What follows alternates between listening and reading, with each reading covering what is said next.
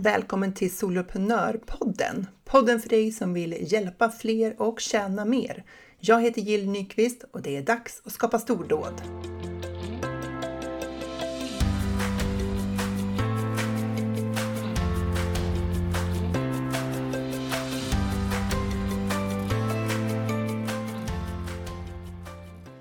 Innan vi hoppar in i dagens avsnitt har du anmält dig till min föreläsning Fem strategier för att skapa ditt drömföretag online? Jag kör den här uppskattade föreläsningen nu igen den 30 augusti och 1 september. Det är del 1 och del 2 nu 2023 och jag har samlat alla mina viktigaste strategier som har tagit mig och mitt företag dit där jag är idag. Eh, där jag har nått det där som var mitt mål, att kunna leva på mitt företag och jobba hemifrån. Så missa inte det. Antalet platser är begränsade. Anmäl dig på solopreneur.nu på hemsidan eller Instagram. Har du ett mål för ditt företag? En vision kanske? Eller om du föredrar att kalla det riktning? Hur ofta tänker du på den och hur mycket tid lägger du på att leva dig in i den där framtida drömmen? Och tillåter du dig att se allt som du har lärt dig eller åstadkommit eller skapat på vägen redan nu. Om vikten av att låta drömmet, målet eller visionen få lite sändningsutrymme i våra hjärnor, det, det vill jag prata med dig om idag. Det här med mål kan ju vara trixigt. Det finns ju tillfällen när det är mycket tydligare än vad det är när man driver företag, till exempel i sport. Jag tänkte på det när jag sprang Vasastafetten förra helgen. Vi var ett lag som delade på sträckan Sälen-Mora, 9 mil. Olika längder på de olika delsträckorna, så min sträcka var 1,2 mil och vi var nio löpare. 1,2 mil är ju liksom ingen ultralöpningssträcka direkt. De, de sprang ju alla milen själva, de som är ultralöpare. Men det är en lång sträcka för mig som annars känner mig fullt klar och helt nöjd efter 6 kilometer. Mm. Så jag sprang där i spåret som var ledigt och blött efter allt regnande på sina ställen, men ändå i förvånansvärt gott skick tyckte jag. Eh, och två saker hände. Dels så visade min träningsklocka fel, åt fel håll. Den sa att jag hade sprungit två kilometer mer än vad jag hade gjort. Alltså hur gick det till? Vilket gjorde att när jag trodde att jag hade kommit upp i milen, som kändes som en milstolpe, haha, och bara hade två kilometer kvar, då var det fyra kilometer kvar. Hmm. Det andra var att jag blev trött. Dels av sträckans längd men också av den, att den var mer kuperad än vad jag var van vid. Och när jag blev trött där efter vägen och insåg att jag hade fyra kilometer kvar var ju väldigt noga med att inte tänka det på det som nästan en halv mil. fyra kilometer. Och inte två som jag trodde då. Då, då började jag fokusera på stegen. Varje steg gjorde ju att jag kom närmare målet. För även om jag tyckte att det var jobbigt, att det gick långsamt, jag är inte direkt någon gasell, mm, så kunde jag ju vara helt säker på att varje steg skulle ta mig mot mitt mål. Och det är ju det här som gör att det blir så tacksamt när man gör sportliknelser. För i det här fallet så fanns det ju ett mål, ett väldigt tydligt sådant. Där jag skulle växla över till min lagkamrat, där tog min sträcka slut, jag var i mål. Och när jag kom i mål så stod ett helt gäng där och tog emot mig, hejade och hyllade.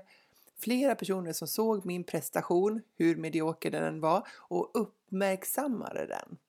Hur ofta händer det i våra företag att vi har ett sådant tydligt mål och att vi har vår egen hejaklack som tar emot oss och gläds med oss när vi har tagit oss i mål? I företagen är det ofta tvärtom. Målet är otydligt och firandet är otydligt. Dessutom hade jag under min sträcka Siri, du vet Siri på iPhone, ja, för att läsa upp alla mina meddelanden från Messenger.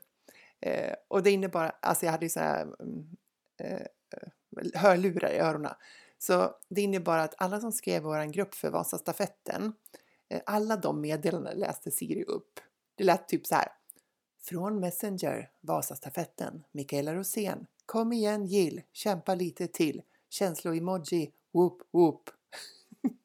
Har du hört Siri läsa upp meddelanden någon gång? Det är jätteroligt.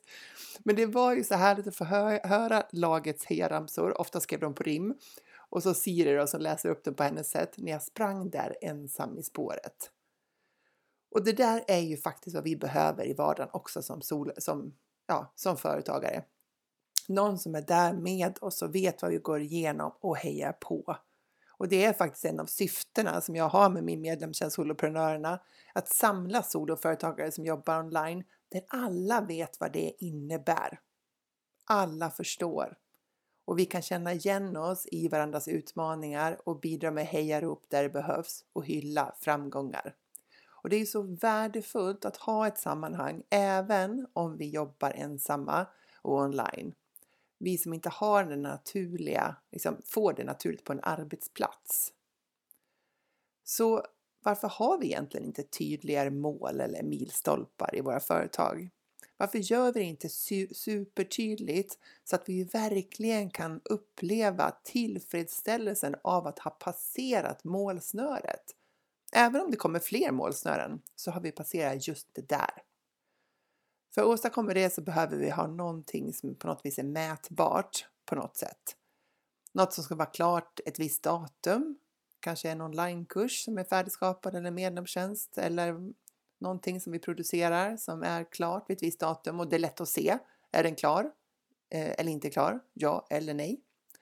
Eller en viss omsättning per månad. Har jag uppnått den? Ja eller nej? Det finns siffror på det. Och på väg mot det där målet så behöver vi påminna oss om att varje steg vi tar tar oss framåt i någon bemärkelse. Ibland är det i form av lärdomar, något som inte funkade och som vi kan lära oss av, göra bättre nästa gång. Det där misslyckandet, vi känner ju ofta att det är ett misslyckande, det tog oss egentligen inte bakåt, även om det kanske kändes så i stunden. Ibland är det i form av att vi kommunicerar i nyhetsbrev eller inlägg i sociala medier utan att få någon respons alls. Och det känns som att ingenting händer, ingen bryr sig. Men det är ju droppen som urholkar stenen. Steg för steg mot målet, även om det inte syntes just i det där inlägget eller i det där mejlet. Och det behöver vi komma ihåg i vardagen för att orka fortsätta och känna glädje i att fortsätta göra det här jobbet för att nå dit vi vill. Mål och visioner kan ju formuleras på olika nivåer på jättemånga olika sätt och ja, det kan vara på kort och lång sikt och så vidare. Och frågan är ju hur modiga kan vi vara här? Kan vi drömma stort eller finns det en fara i det? Är det fel att ha små mål? Mål som inte handlar om att rädda världen och mänskligheten utan bara, så här, inom situationstecken då, fnuff fnuff, handlar om att vi vill jobba hemifrån. Jag tycker det, för allt handlar ju om utveckling. Mål utvecklas och förändras över tid. Vad som blir viktigt för oss förändras ju över tid.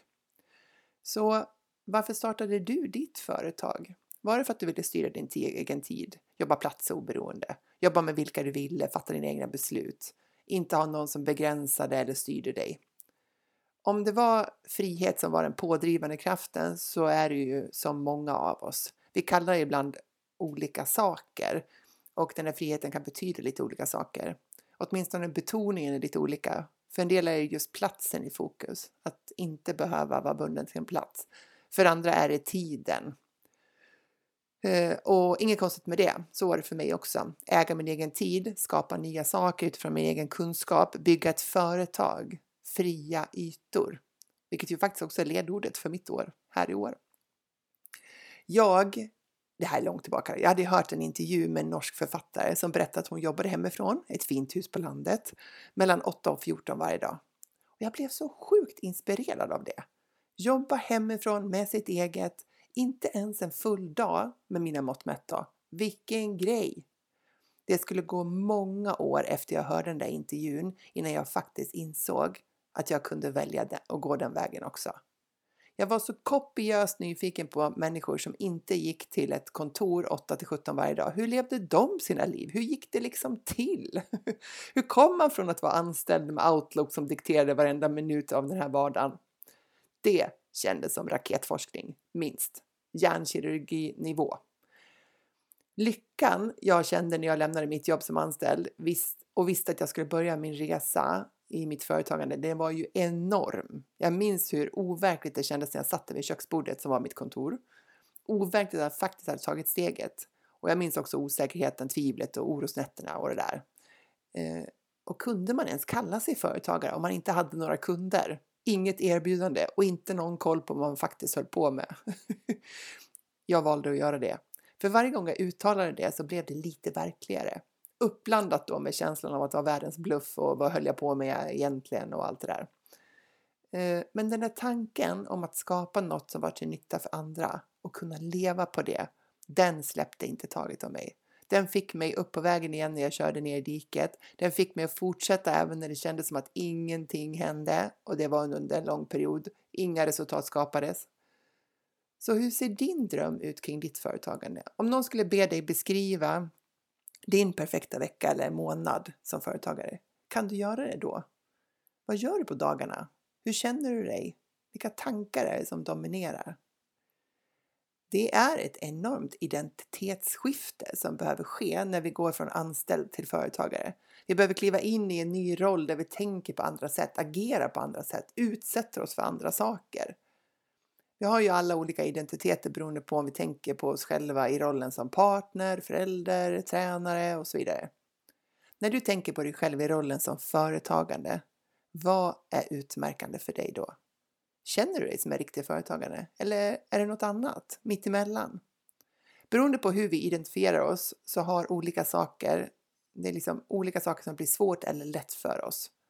Kanske har du drivit företag länge, framgångsrikt och det känns som en självklarhet för dig. Eller så har du kört eget med dålig ekonomi under lång tid och då kan det vara en naturlig utgångspunkt för hur du identifierar dig. Dålig ekonomi, liten försäljning. Och forskning visar att vår egen definition av oss själva, hur vi uppfattar att vi är, starkt påverkar vad vi ser är möjligt för oss att åstadkomma och vad vi sen också faktiskt gör. Så om det här har så stor inverkan på oss, hur vi agerar, då är det såklart viktigt att vi skapar den identiteten som gagnar oss och vårt företag, som vi har nytta av. Men mål, visioner, riktningar i all ära, hur formulerar vi dem? Vi har ju olika vägar för att komma fram till vad som är rätt för oss. En del är ju mer intuitiva och kanske andliga. Andra har mer resultatorienterade och praktiska i sitt tillvägagångssätt. Oavsett hur eh, du fungerar så tänker jag att om du vill skapa det företag du drömmer om, då går det mycket lätt lättare om du har klart för dig vad det faktiskt innebär. Alltså så som den drömmen ser ut just nu. Eh, att vi på något ett eller annat sätt har klart för oss. Så här, vart är vi på väg? Vi kan ju alltid ändra oss. Faktum är att jag tror att allt sånt där ändras över tid. Vi gör oss våra erfarenheter, vi kommer på vad vi tycker om och vad vi inte tycker om. Men om du kan tydligt måla upp hur du vill jobba i ditt företag, vilka du vill hjälpa, på vilket sätt du vill hjälpa till, så tror jag det blir lättare att komma dit. För den här önskan, den fungerar som en magnet, som din norrstjärna, som du automatiskt navigerar mot i alla de val, eller stora eller framförallt små beslut som du hanterar i vardagen. Jag är övertygad om när vi tillåter oss att vara i den här drömmen så blir det tydligare för oss vem vi behöver bli för att komma dit. Inte som att vi ska bli en helt annan person eller att vi inte duger som vi är som människor, utan den där versionen av oss själva som har utvecklats och växt med uppgiften. Att vi utvecklat förmågor som hjälper oss att ta oss förbi hinder och nå dit vi vill. Och när vi inser vilka vi behöver bli så kan vi också inse att vi har valet redan idag att agera som den personen. För det är ju den där versionen av dig själv som skapar den framgången du siktar på, de resultaten du vill ha. Inte den versionen av dig själv som har skapat det du skapat hittills. För den versionen av dig själv har tagit dig hit. Det kommer vara en annan version av dig själv som uppnår de där andra målen eller drömmarna. Första gången jag hörde det så fattade jag inte riktigt. Hur skulle jag veta hur den versionen av mig själv som redan nått dit jag ville, hur skulle den agera, tänka och känna? Eh, jag var ju inte där.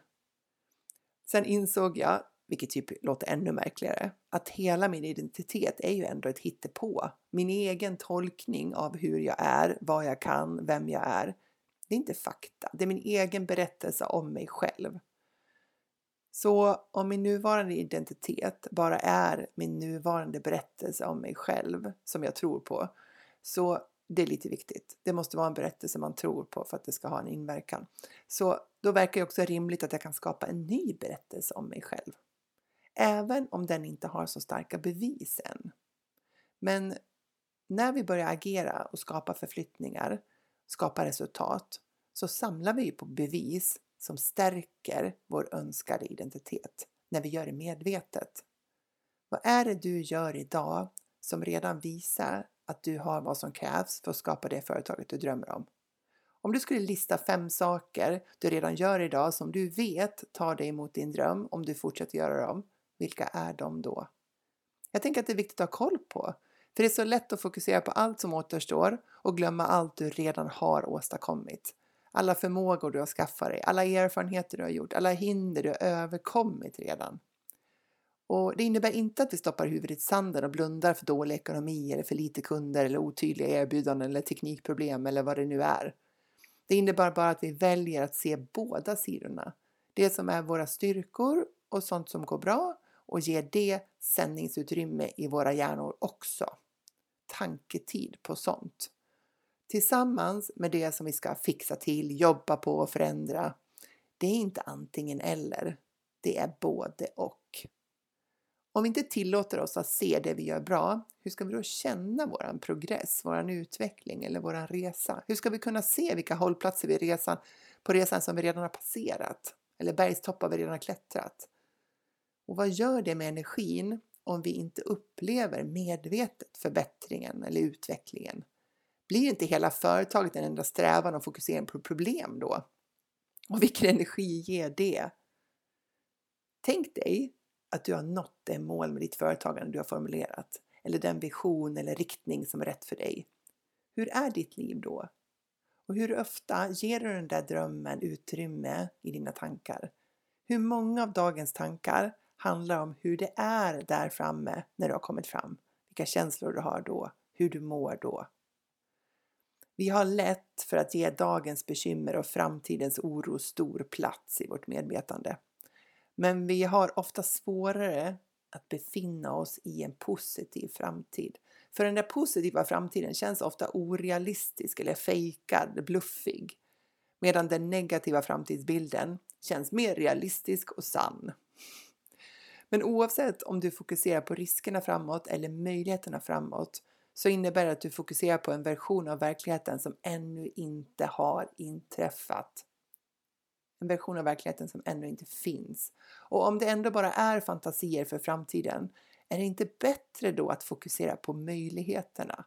Att tillåta oss att se vår framtida framgång och känna upprymdhet av att ha uppnått det innan det har hänt.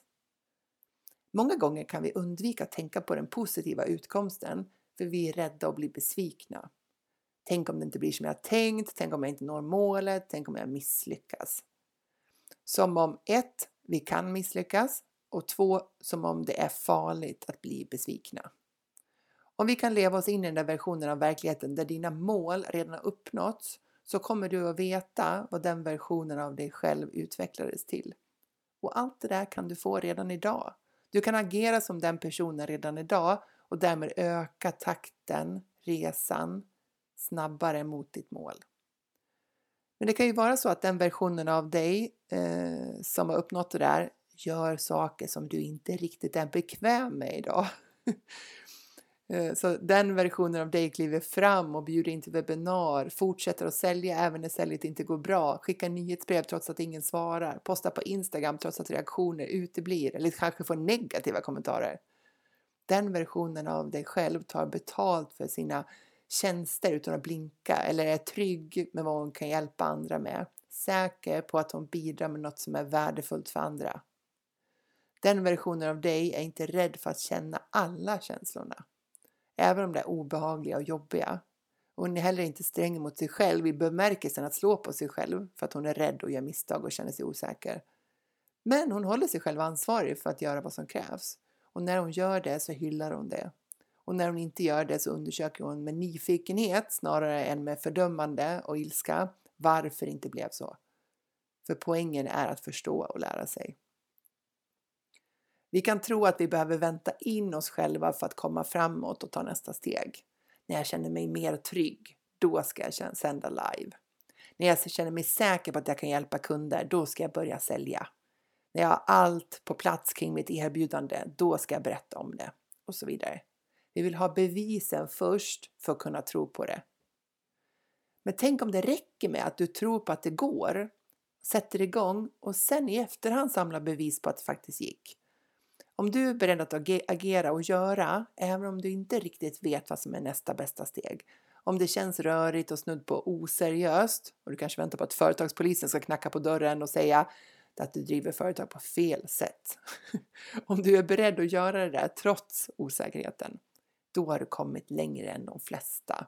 Och du har knäckt den viktigaste koden, den förmågan som kommer ta dig allra längst. Viljan att prova och lära dig efter vägen för att ta dig närmare din dröm.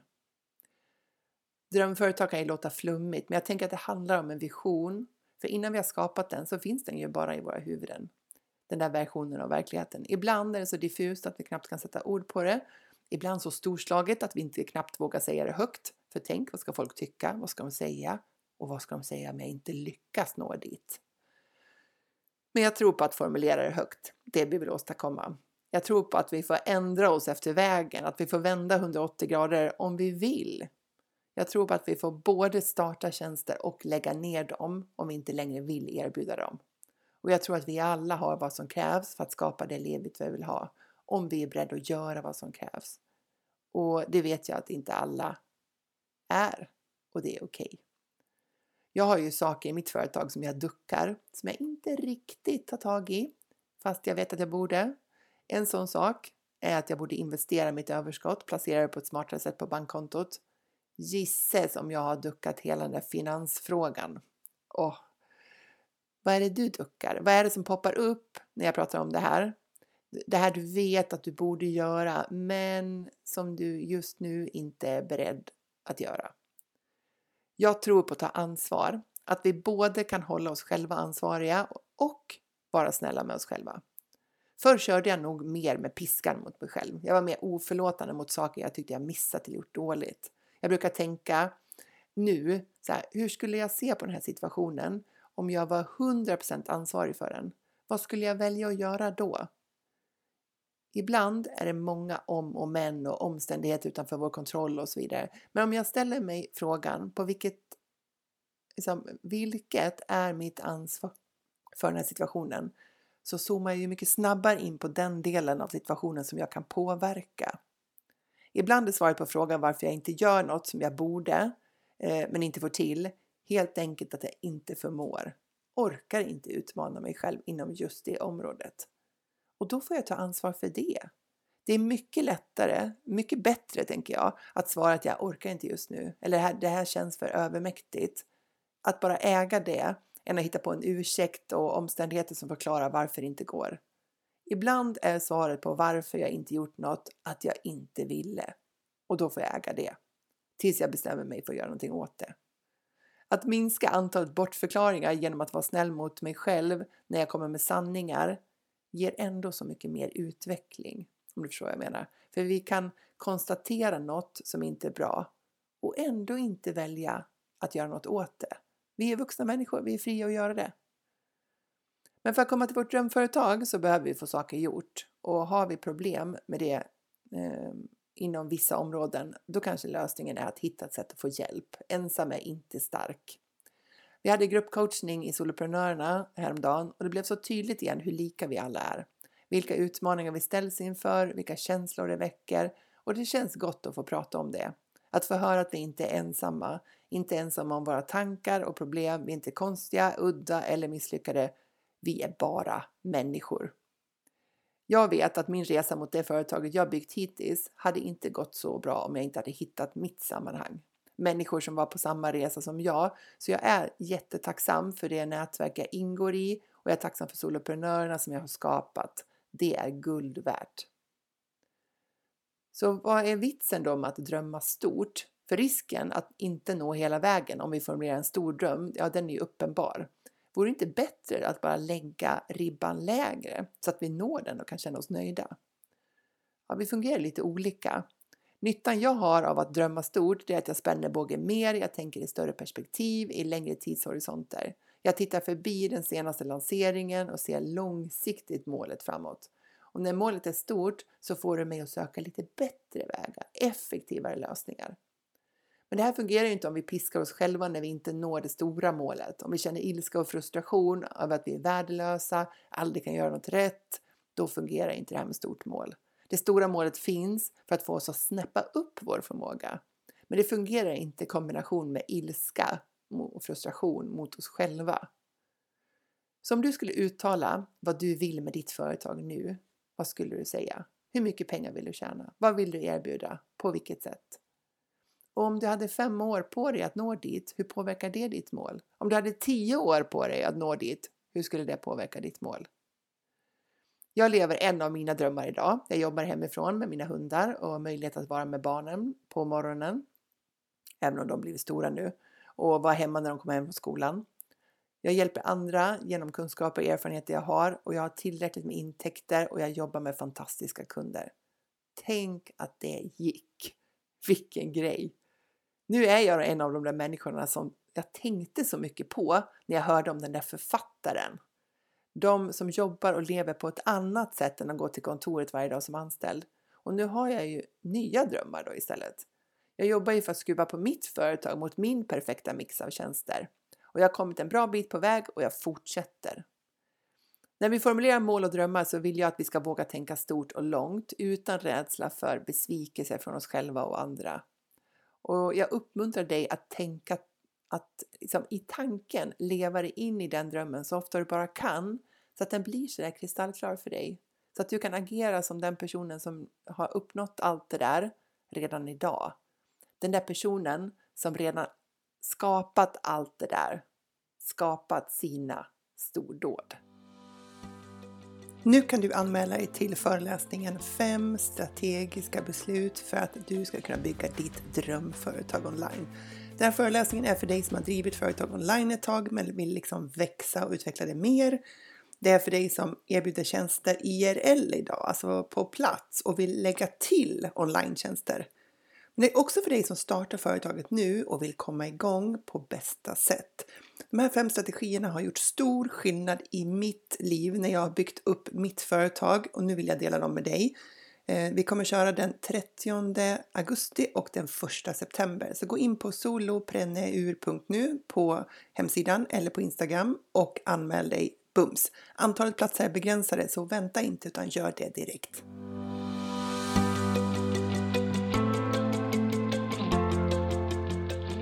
Stort tack för att du lyssnar på Soloprenörpodden. Jag är så glad att ha dig här.